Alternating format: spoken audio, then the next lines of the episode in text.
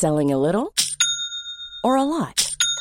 Shopify helps you do your thing however you cha-ching. Shopify is the global commerce platform that helps you sell at every stage of your business. From the launch your online shop stage to the first real life store stage, all the way to the did we just hit a million orders stage. Shopify is there to help you grow. Shopify helps you turn browsers into buyers with the internet's best converting checkout.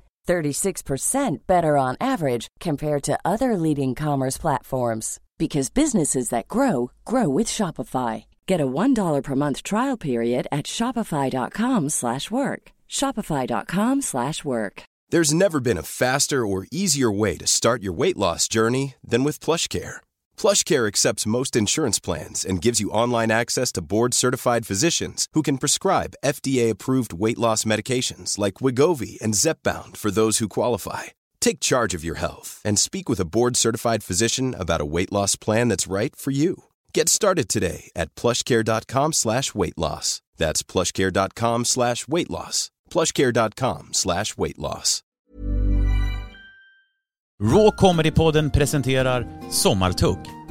Vi bjuder under sommaren in åtta av våra favoritkomiker som får ta över mikrofonen och på ett personligt, intressant och förhoppningsvis roligt sätt berättar sin story. Dessutom så kryddar vi avsnitten med fantastiskt bra musik från osignade artister runt om i landet. Idag är det premiär och den första sommartuggaren den här sommaren är Mårten Andersson. 49-åringen som började som programledare på ZTV och TV3 men som år 2000 sadlade om till komiker och några år senare startade Raw Comedy Club som skulle komma att bli Sveriges största varumärke inom humor. Som entreprenör har Mårten även startat världens första alkoholfria nattklubb, Sober, som till och med omnämndes av talkshowvärden Conan O'Brien i ett skämt om Sverige och svenskar. Han har dessutom under våren 2023 gjort jättesuccé med sin tredje soloshow, Mårten Svetkovic, som hyllats av både kritiker och publik. Vi säger varmt välkommen till Mårten Andersson. Never create enemies. Orden kom från min serbiska fästmö Stasha. Hon hade nyligen lämnat sitt hemland, Serbien, och kommit till Sverige och vi hade precis flyttat ihop i en lägenhet i Sundbyberg, nära Stockholm. Jag satt hemma i vårt kök framför datorn och var, som så ofta i mitt liv, upprörd, kränkt och förbannad över hur någon hade behandlat mig. Och nu skulle jag minsann visa den här personen vem Mårten Andersson var. Jag vet inte om det var mitt kroppsspråk eller att det smällde och brann i tangentbordet på datorn som avslöjade mig vad jag höll på med där i köket. Men jag glömmer aldrig hur ertappad och naken jag kände mig när jag hörde Stashas lugna men samtidigt auktoritära röst. Morten, never create enemies. Jag släppte blicken från datorn, torkade bort blodet från fingrarna, strök bort svetten från pannan och stannade upp. Jag försökte lugna ner mig, andas normalt och landa lite för att kunna reflektera över vad hon precis hade sagt. Never create enemies. Det lät så självklart på något sätt. Och dessutom hade orden något annat över sig. Något stilla, lugnt och friktionsfritt. Att aldrig skapa fiender eller ovänner i livet. Men det är tyvärr något jag har gjort många gånger i mitt liv. Och det har nästan alltid hängt ihop med mitt förbannade, sårade, uppblåsta ego. Jag har nämligen alltid tyckt att jag är mycket mer begåvad än vad andra har tyckt att jag är. Och varje gång någon i livet har fått mig att känna mig förminskad eller inte sett mig på det sätt som jag har ansett varit korrekt så har jag sparkat bakut. Ordentligt. Jag tittade på mejlet som jag precis hade skickat. Just den här gången så var det till en av Sveriges största och mest framgångsrika tv-människor som till min stora lycka hade hört av sig och erbjudit mig huvudrollen i en tv-sketch som skulle sändas inför närmare 100 miljoner människor under Eurovision. Jag minns när jag fick frågan att jag tänkte äntligen, äntligen har poletten trillat ner hos någon som kan något på riktigt i branschen och jag kommer få mitt stora välförtjänta genombrott. Några dagar senare fick jag ett nytt samtal av samma produktionsbolag. Sketchen och manuset hade skrivits om och jag skulle inte längre ha huvudrollen utan en biroll, men fortfarande ha repliker. Jag blev såklart besviken, men tackade fortsatt ja till medverkan. När produktionen och den här personens tv-bolag hör av sig för tredje gången så är det då för att uppdatera mig på att jag inte längre hade någon biroll. Jag erbjöds istället att vara en av hundra stycken statister, helt utan repliker. Jag minns inte exakt vad jag skrev, men förminskad, sårad och rejält förorättad förklarade jag att de hade gått från att erbjuda mig huvudrollen till att ge mig en pissig statistroll och hur otroligt oproffsiga de var och hade betett sig. När de ändå frågade om jag ville vara med så var mitt svar Driver ni med mig? Ring aldrig mig någonsin igen. Följt av ungefär sju utropstecken. Det gjorde de inte heller. Än idag har de fortfarande inte ringt till mig. Den här personen som vi pratar om är Sveriges kanske allra mäktigaste idag inom underhållning. Hans bolag omsätter närmare en halv miljard kronor om året och de producerar Sveriges bästa humor och drama. Han är dessutom en fantastisk skådespelare och regissör. Själv sitter jag här i en studio i Sundbyberg och spelar in podcast. Förbannade uppblåsta ego. Innan du är på väg att bränna en bro, glöm inte att de faktiskt kan bli omöjliga att reparera. Never create enemies.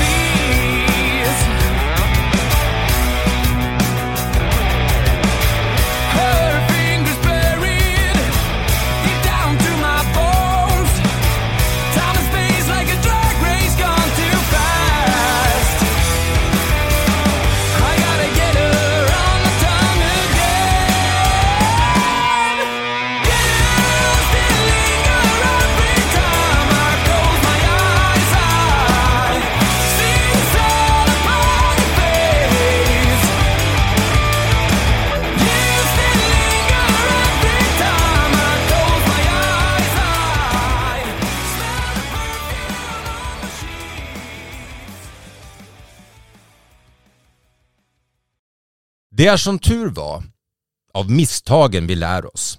Och jag har sedan 20-årsåldern, då jag började jobba med TV, haft ambitionen att lära mig av mina misstag och försöka bli en bättre version av mig själv. Jag har drygt 20 år i terapi och personlig utveckling bakom mig. Och idag är jag en person som både jag och, ja, faktiskt de flesta andra tycker är rätt behaglig, inkännande och lyhörd. Och ändå får jag fortfarande ibland höra hur kan du umgås med Mårten Andersson? Han är ju helt dum i huvudet. För problemet med förändring är ju att det bara oftast de som är ens närmaste krets som märker det. För alla andra är det first impression lasts. Som tur är har jag lyckats montera ner mitt gigantiska ego rätt rejält och är idag väldigt trygg i vem jag har blivit och är. Så när jag får höra vad ditten och datten tycker om mig så rycker jag knappt på axlarna idag. Visst, det är lite tråkigt, men också som en av alla de fantastiska terapeuter jag har träffat genom åren förklarade för mig för många år sedan. Han ritade upp ett spindelnät på en whiteboard och sa Så här funkar det, sa han. Längst in i mitten, i kärnan, har vi me, myself and I. För om vi ska vara krassa så är den enda du kan helt lita på i livet dig själv. Nästa lager på spindelnätet en bit längre ut är dina närmaste. Fru, barn, föräldrar. Och ytterligare lite längre ut så kommer bästa vänner, kanske syskon och så där fortsätter det. Längre och längre ut i spindelnätet med vänner, arbetskamrater, släktingar och så vidare. Allra längst ut i spindelnätet har du alla som inte känner dig eller vet vem du är. De har aldrig träffat dig. Det kanske är folk som följer dig i sociala medier och skriver eller säger elaka saker. Det du gör fel Mårten, sa han, det är att du låter de här personerna passera varenda filter i spindelnätet utan att fastna. Och du låter dem ta sig ända in till boet och kärnan och ta en liten tårtbit av din själ. De här personerna som ändå inte vet vem du är borde bara studsa bort från ditt medvetande och inte ta någon som helst av din energi. Det här är något jag påminner mig om än idag. Att välja mina krig. Eller ännu bättre, inte kriga alls. Och just det där med våra kränkta, förorättade och uppblåsta egon är något som intresserar mig väldigt mycket. Men det är paradoxalt. För det finns få saker i livet som jag också är så trött på som mitt och andras gigantiska egon. Egon är ju, om vi ska förenkla det, en ofta väldigt skev uppfattning om sig själv och verkligheten. Vi inbillar oss att världen snurrar kring just oss och agerar utifrån det. Egot är vår förvrängda självbild. Och speciellt i tider av sociala medier där det är helt normalt att fylla sina konton med bilder på sig själv. Som du dessutom har tagit själv och lägger upp för andra att tycka till om. Och vi loggar in flera gånger i timmen för att räkna hur många likes vårt ansikte har fått just idag. Lägg till lite verklighetsfrånvarande, ytligt snabbdissande, swipande på Tinder och släng på ett gäng snygga filter på dina bilder också så har du förmodligen en stor del av förklaringen till att Stockholm är världens singeltätaste stad. Vår vackra huvudstad har blivit som den grekiska mytologiska figuren Narcissus som enligt myten blev förälskad i sin egen spegelbild. Narcissisten är ofta precis som psykopaten charmant och duktig på att föra sig. Men också har han väldigt svårt att bilda djupare relationella band. Hur ska du kunna ha en relation eller ens gå på dejt om du är mer intresserad av dig själv än den du går på dejt med? Det räcker med att gå på stan en vanlig dag för att inse att folk är mer intresserade av att titta på sig själva när de passerar ett skyltfönster än att titta på andra människor. Jag lider med alla er som är singlar och ska behöva sitta på alla meningslösa dejter och lyssna på monologer. Jag har varit där själv. Både som den som har hållit monologerna och den som faktiskt har förändrat mitt liv och börjat lyssna. Jag tror att det finns en anledning till att vi har två öron och en mun. Vi borde lyssna mer än vi pratar. Men ingen ställer ju frågor längre. Allt är bara jag, jag, jag. Mina sista år som singel så minns jag att jag satt på dejter och seriöst funderade på om jag var förhörsledare eller om det var en dejt. Jag bara ställde frågor och fick svar. Ingenting tvärtom. Jag menar, om jag vill höra en monolog, då går jag hellre på Dramaten än på dejt. Jag vill inte sitta där och lyssna på deras liv. Jag vill ju prata om mitt liv. Att mitt dejtande gick åt helvete handlade ju för sig ännu mer om någonting helt annat. Vad? Det tar vi efter den här låten.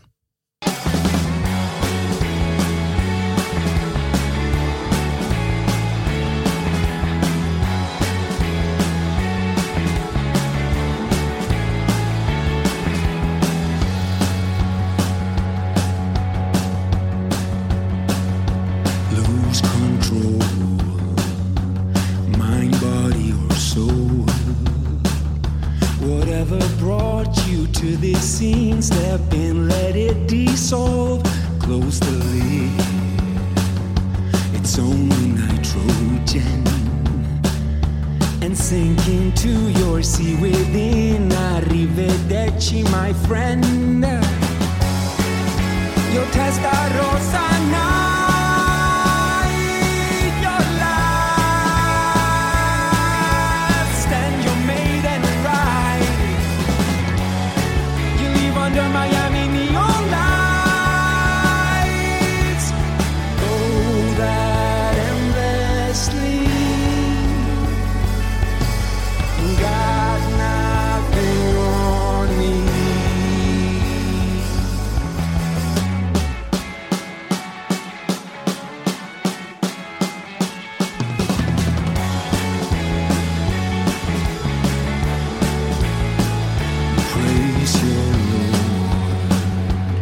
Break the law.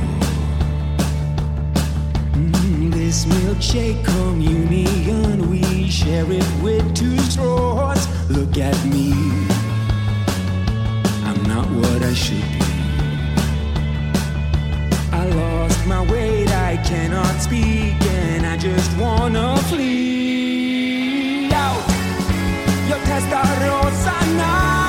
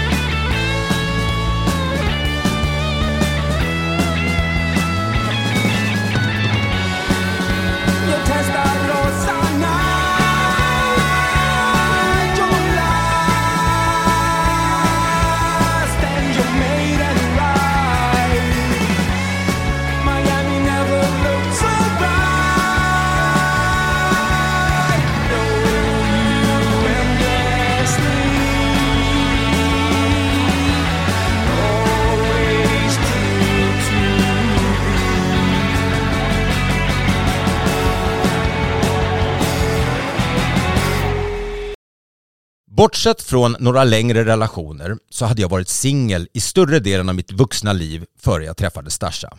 Mitt liv var en enda lång fest. Jag var för Stureplan vad Elon Musk är för Tesla. Jag var ute väldigt, väldigt mycket på krogen under många år. Hur ofta då, undrar du? Ja, det var en ganska personlig fråga av dig, måste jag säga. Men eh, jag ska berätta. När jag var som mest ute på krogen så var jag ute fyra, fem gånger i veckan. Ja, och så helgerna såklart. Jag var så marinerad i alkohol att jag hade kunnat sova i en frys och överleva. Det var massor av olika tjejer och jag tänkte varje gång att det kanske är hon, det kanske är hon som är kvinnan i mitt liv. Men i min fest och egobubbla som jag befann mig i så hade jag inte en tanke på att det nog är rätt få kvinnor som vill satsa på en man som doftar minto. Eller som somnar under sexakten. Bra dirty talk för mig, det var när någon skrek så jag lyckades hålla mig vaken. Åren gick, jag blev äldre och alla roliga fester byttes mot ångest över det ytliga livet jag levde. Ju äldre jag blev, desto mer blev min önskan om att ha en fru och en egen familj allt starkare. Jag satt till och med i TV4s Nyhetsmorgon och berättade om mina familjedrömmar. Jag förklarade att jag var så trött på att gå på kändisfester, dricka gratis sprit och ha massa one night stands. Och att jag istället ville ha fru och barn och ett hus på landet.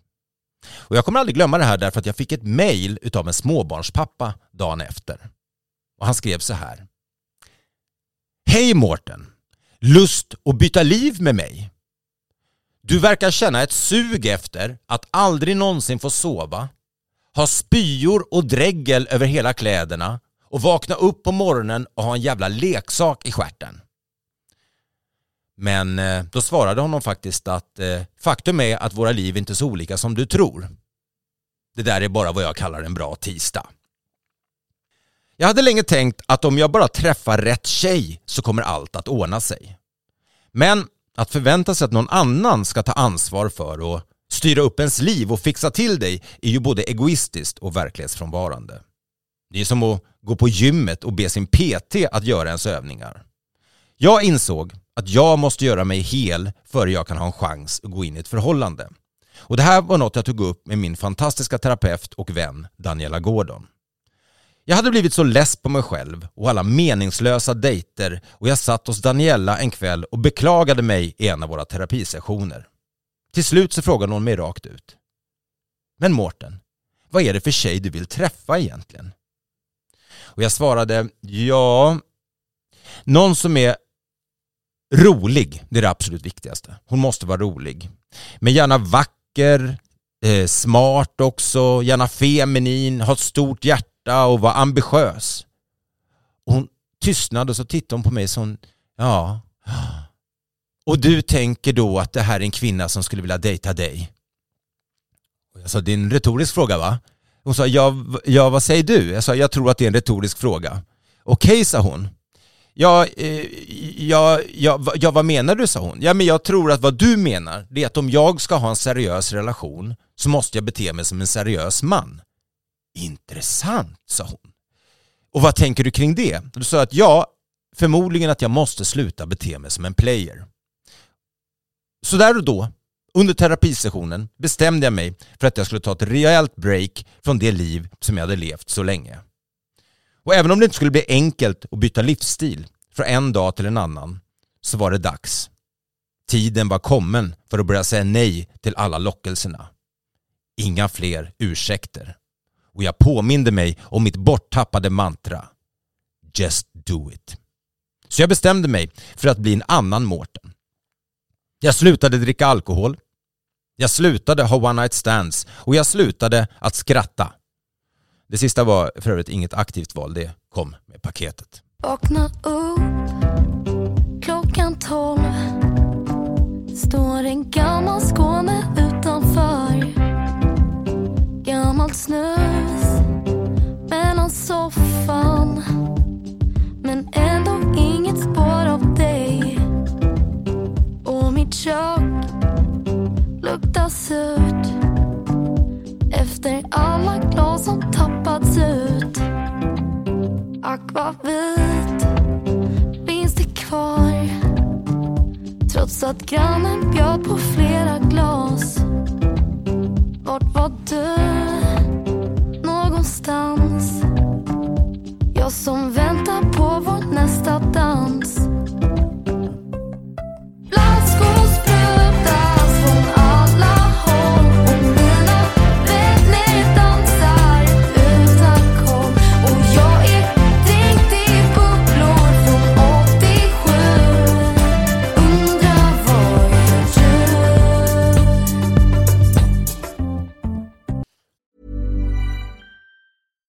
Sandra, and I'm just the professional your small business was looking for. But you didn't hire me because you didn't use LinkedIn jobs. LinkedIn has professionals you can't find anywhere else, including those who aren't actively looking for a new job but might be open to the perfect role, like me.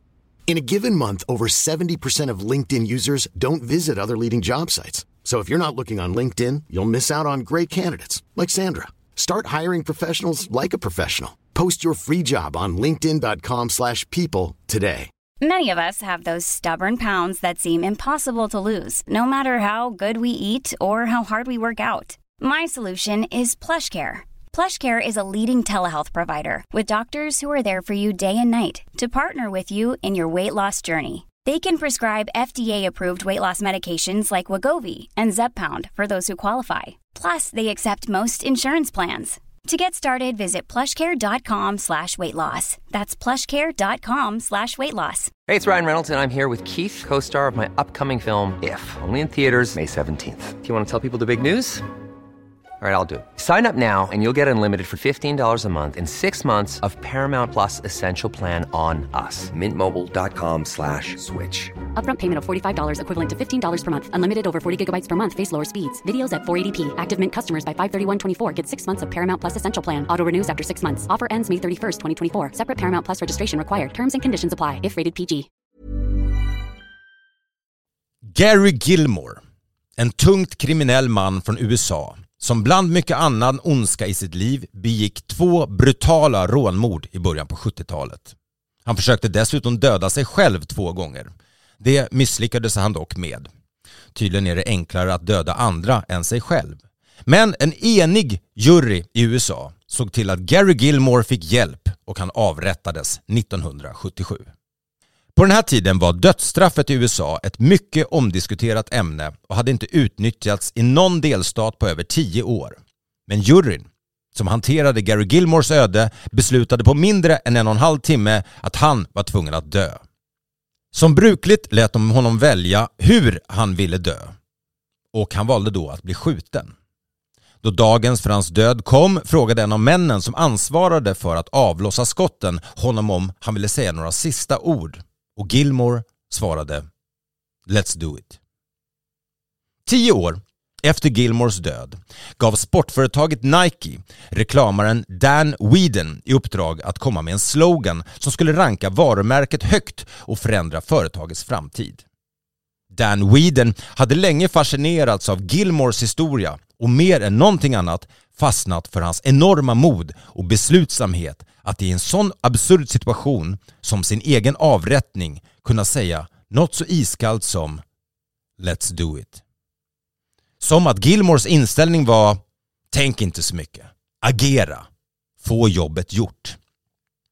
Inspirerad av Gary Gilmores ord så kom Dan Whedon på det som än idag är Nikes ledord och slogan och benämns av många som den bästa slogan som någonsin har skapats. Just do it. 1988 lanserade Nike den första annonsen med deras nya slogan. Reklamen var en video där den amerikanska löparikonen Walt Stack springer i bar överkropp över Golden Gate Bridge. Han var då 80 år och personifierade inte bara för Nike utan för miljontals människor över världen att allt är möjligt. Om du bara får jobbet gjort. Tänk inte så mycket. Agera. Just do it.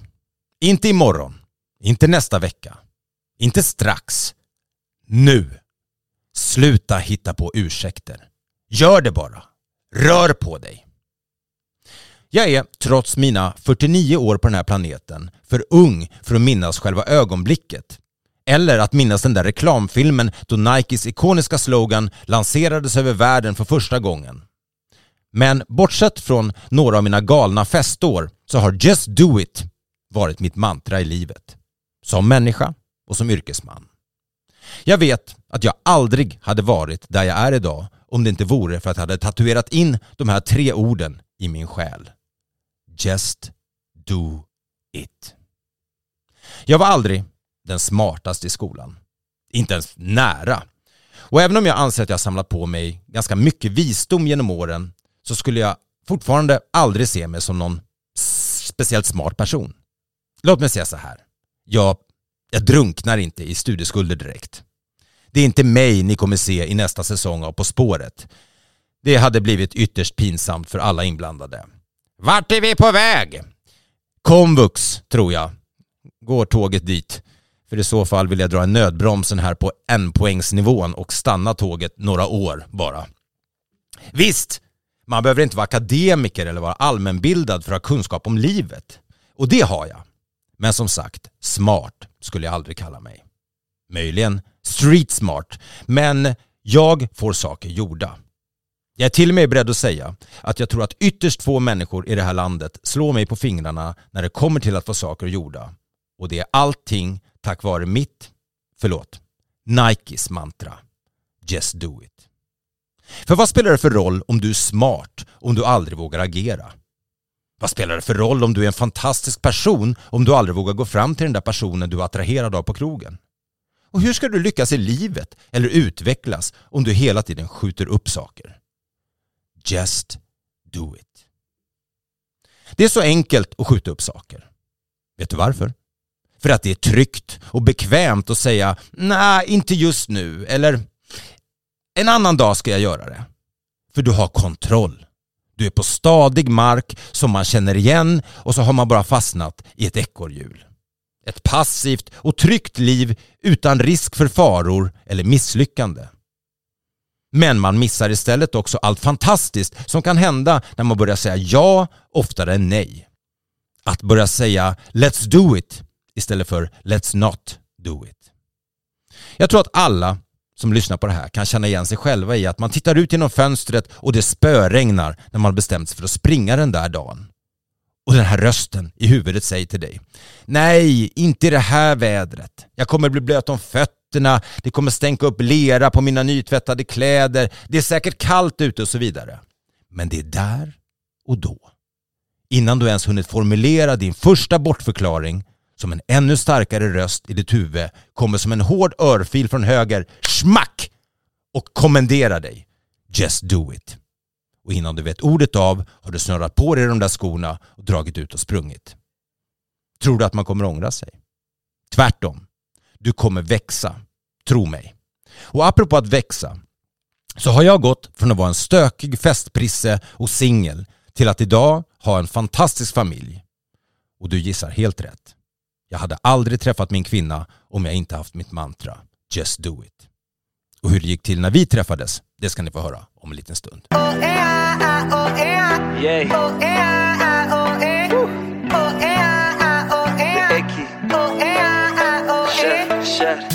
Jag vill alltid bara vara nära dig Pilla lite grann och bara lära mig. Om du faller kan jag alltid bära dig. Chilla lite grann och vara kär away För ingen annan känner dig, jag känner vi var vänner nu. Vi är någon grej Är någon grej. Jag skiter i vad hela världen tycker, kommer alltid stå bakom dig Bakom dig. För ingen annan får mig jobba falla som du får mig säga no way no No way no. Om du är deras Julia, jag lovar kommer vara din Romeo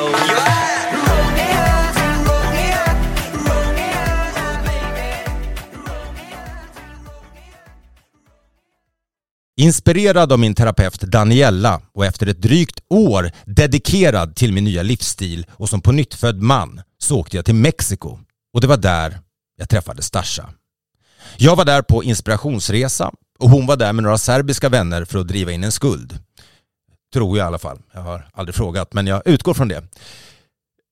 Skämt åsido, en kväll befann jag mig i en bar i Playa del Carmen på Paradgatan, Avenue 5 och jag ser henne i en bar. Hon lyser upp hela stället med sin utstrålning och jag kände direkt att jag måste prata med den där kvinnan. Men då kom den där. Fega, passiva, trygghetsrösten som ett brev på posten. Gör det inte. Hon kommer säkert dissa dig. Strunta i det. Gör det inte. Men stärkt av ett nytt, rent självförtroende och ännu mer en sund och finare självkänsla så var mitt mantra tillbaka. Just do it. Så jag går fram och säger Hello, who are you? Och hon säger I'm Stasha from Serbia, who are you? Idag bor vi båda två i Sverige och har två fantastiska barn. Tänk vad tre små ord från en sportreklam kan förändra. Kvällen efter att vi hade setts i den där baren så bjöd hon ut mig på middag. Och vi pratade och hade jättetrevligt. Och jag vet inte om det var det faktum att hon inte var svensk eller om det var hennes personlighet, men vi klickade på ett sätt som jag inte hade känt tidigare.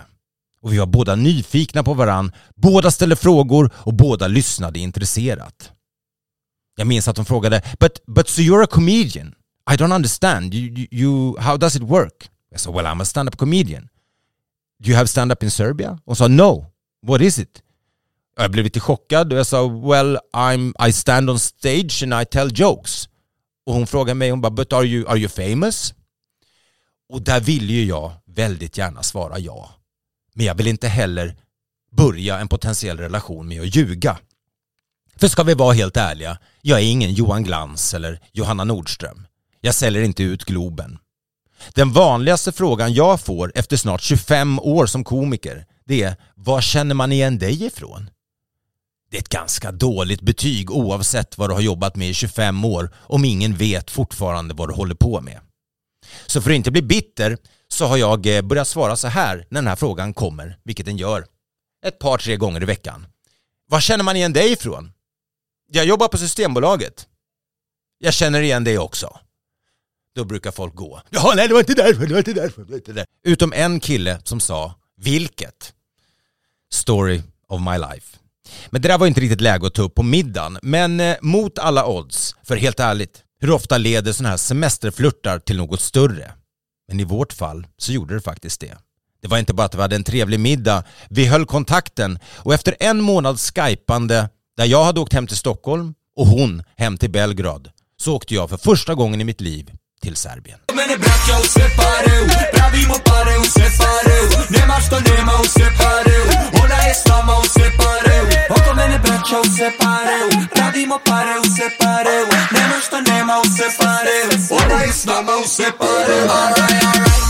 Ona neće da uči, a hoće da nosi Gucci. Ja bi otišao kući Pjesma mi zvuči, a ona me muči. A i zove me majka Odgovor mi ko bajka. Oko mene su braća Tura se plaća, ekipa najjača. Sanjao sam u faveli Da mi pišu modeli buba koreli. Ej, čekal som bode hiljade dana. Krio sa pokrivo moje hiljade rana Pored mene hoće da bude Rihana Gdje su sada svi? Oko mene braća u sve pareu. Pravimo pare u sve pareu Nema što nema u sve pareu. Ona je s nama u sve pareu. Oko mene braća u sve pareu. Pravimo pare u sve pareu. Nema što nema u sve pareu. Ona je s nama u sve pareu. Excuse me madame Hajde bon appétit Hey, parle français Je m'appelle Enki Ai zove-me Mia Ona je ko avion Ona je sa Balkana Ne pije mijenjo, za njih milion One Cure su sa juge A u jugu hoće svi Bosna, Hrvatska, Srbija Montenegro pravi hit Oko mene braća u sve pareu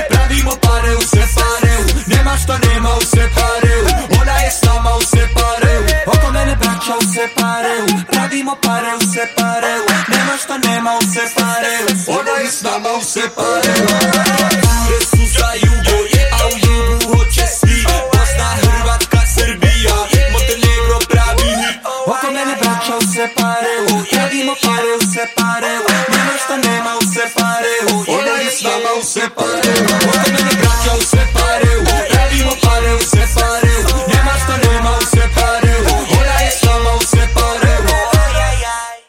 Jag visste väldigt lite om Serbien före jag åkte dit.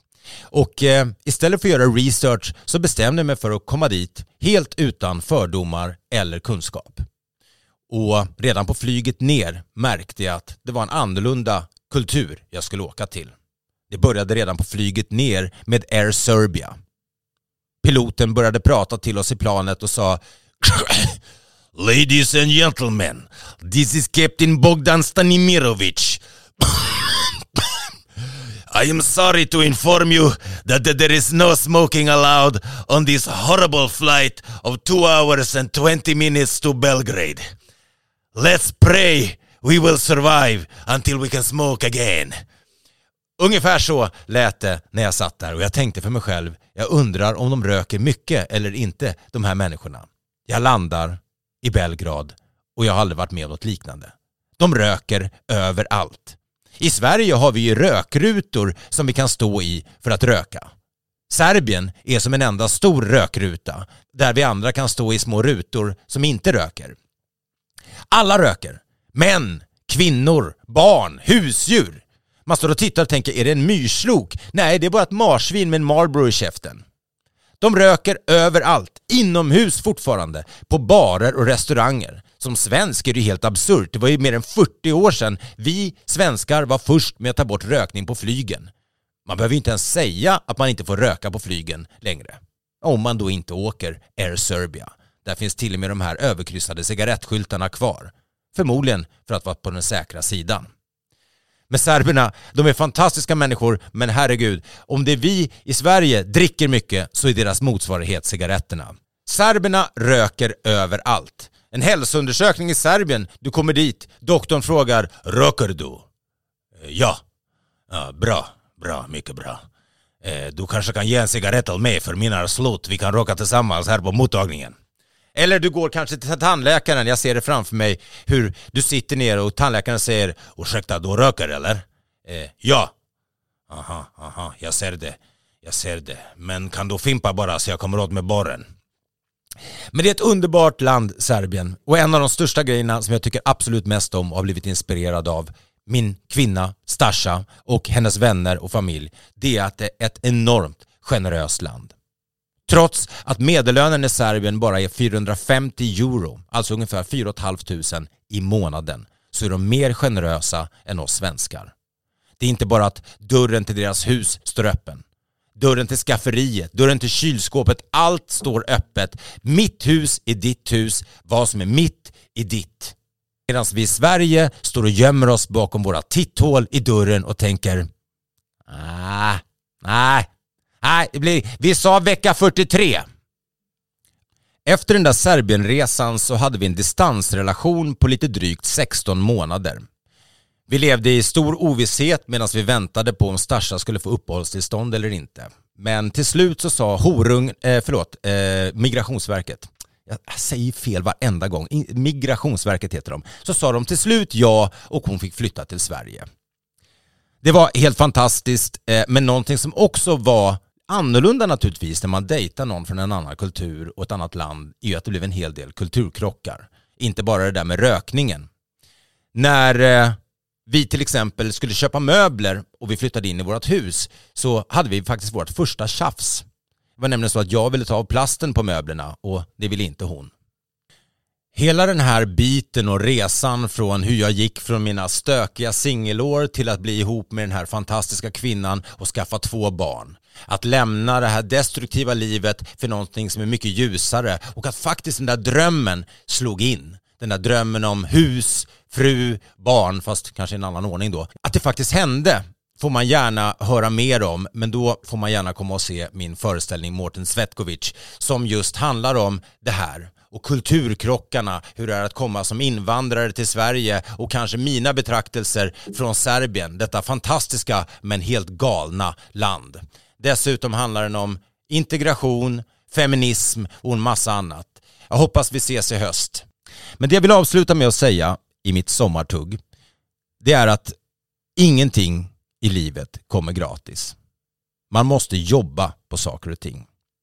Och jag vill avsluta med att ta upp någonting som är det bästa råd jag någonsin har fått i livet.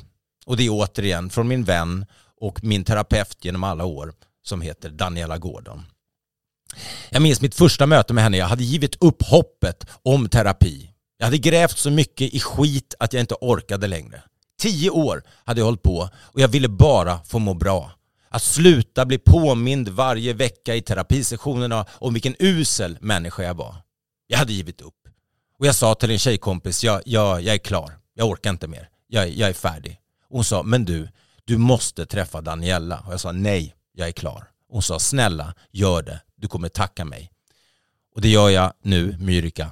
Tack för att du sammanförde mig med Daniela, denna fantastiska människa som har nu fyllt 70 år med sitt röda burriga hår och sin ibland rätt burdusa stil i att få en att fatta vad hon menar. Jag kommer aldrig glömma första mötet när hon frågade mig, men vad vill du med din terapi och ditt liv? Och jag sa, jag skulle vilja att det blir tyst uppe i mitt huvud. Att det blir lugnt och stilla, att det inte är massa jidder och tjafs och att jag bara har en lugn skön känsla i kroppen och själen. Hon sa, aha. Och kan du ge mig ett exempel på någon som du ser framför dig? Och jag sa, ja det kanske är klyschigt, men Dalai Lama. Och hon sa, och varför det? Så nej, men han känns så lugn och trygg och så fri i sin själ och bara att det finns ett flow. Och hon sa, och hur tror du att han har kommit dit? Jag sa, ja men han har blivit upplyst. Och hon tittade på mig och sa, jaha? Jag sa, ja, sa jag, vadå? Hon bara, vadå? Ja, du tror att han har blivit upplyst då och så går han bara runt upplyst hela tiden, är det det du tror? Ja, sa jag. Hon bara, men herregud, är du inte klok?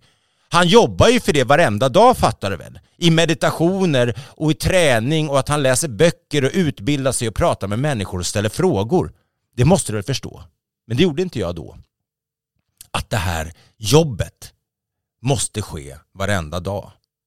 Och när det blir en del av en själv, oavsett om det jobbet är en just do it mentalitet eller något annat, eller att jobba i en relation eller jobba på en relation till sig själv, så är det ett jobb som måste göras oavsett hur jobbet är om man vill må bättre. För you can run, but you can't hide. Och det sista rådet, det är det som Daniela sa till mig. Det var knappt ett råd, men det var en frustration där hon förklarade för mig hur trött hon var på alla par som kommer till henne i parterapi. Och sa, jag är så trött på att de kommer hit och de säger, det pirrar inte, det pirrar inte. Och jag frågar dem, men vad har ni gjort för, vad har ni gjort för att jobba på kärleken? Så, de, ja, men vad menar du? Ja, vad jag menar, jag menar exakt vad jag säger. Vad har ni gjort för att jobba på kärleken? Jag ingenting. Och sa, det här är det jag inte förstår, sa hon. Det gör mig så jävla provocerad. Folk går på gymmet och tränar för att bli starkare. De läser böcker för att bli smartare. Men när det kommer till kärlek och relationer, då ska det bara pirra hela tiden. Man måste jobba på det. Om ni har lyssnat ända hit så vill jag tacka er. Och om jag lyckas dessutom inspirera er blir jag väldigt glad. Och om jag nu har lyckats så ett frö, eller att få er att tänka efter att vad vill jag jobba på i livet? Vad vill jag jobba på i kanske relationen till mig själv eller till någon annan? Så har jag ett sista råd. Just do it. Du har lyssnat på Sommartugg med Mårten Andersson. Vill du se och höra mer av Mårten så hittar ni honom bland annat på Instagram där han heter Marten Andersson 1974 och även på mårtenandersson.se. Där hittar ni även biljetter till höstens föreställningar av hans hyllade soloföreställning Mårten Svetkovic. Musiken i avsnittet hörde ni från artisterna Grey Soul Pennies med låten Linger, Lolly Dolls med låten Testarossa Night, Lilla Kristin med låten Aquavit och Ecki med låtarna Din Romeo och Separao. Missa heller inte det senaste från Raw Comedy Club genom att följa oss på sociala medier samt på rawcomedyclub.se. Vi hörs nästa vecka med ännu en sommartuggare.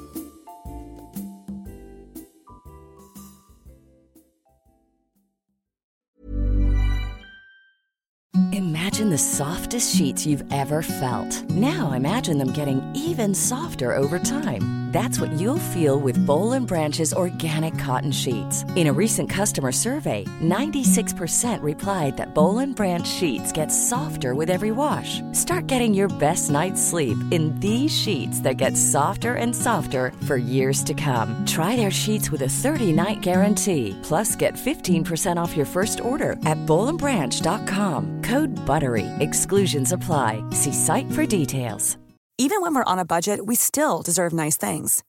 Quince is a place to scoop up stunning high-end goods for 50 to 80% less than similar brands. They have buttery soft cashmere sweaters starting at $50, luxurious Italian leather bags, and so much more. Plus, Quince only works with factories that use safe, ethical, and responsible manufacturing. Get the high-end goods you'll love without the high price tag with Quince. Go to quince.com slash style for free shipping and 365-day returns.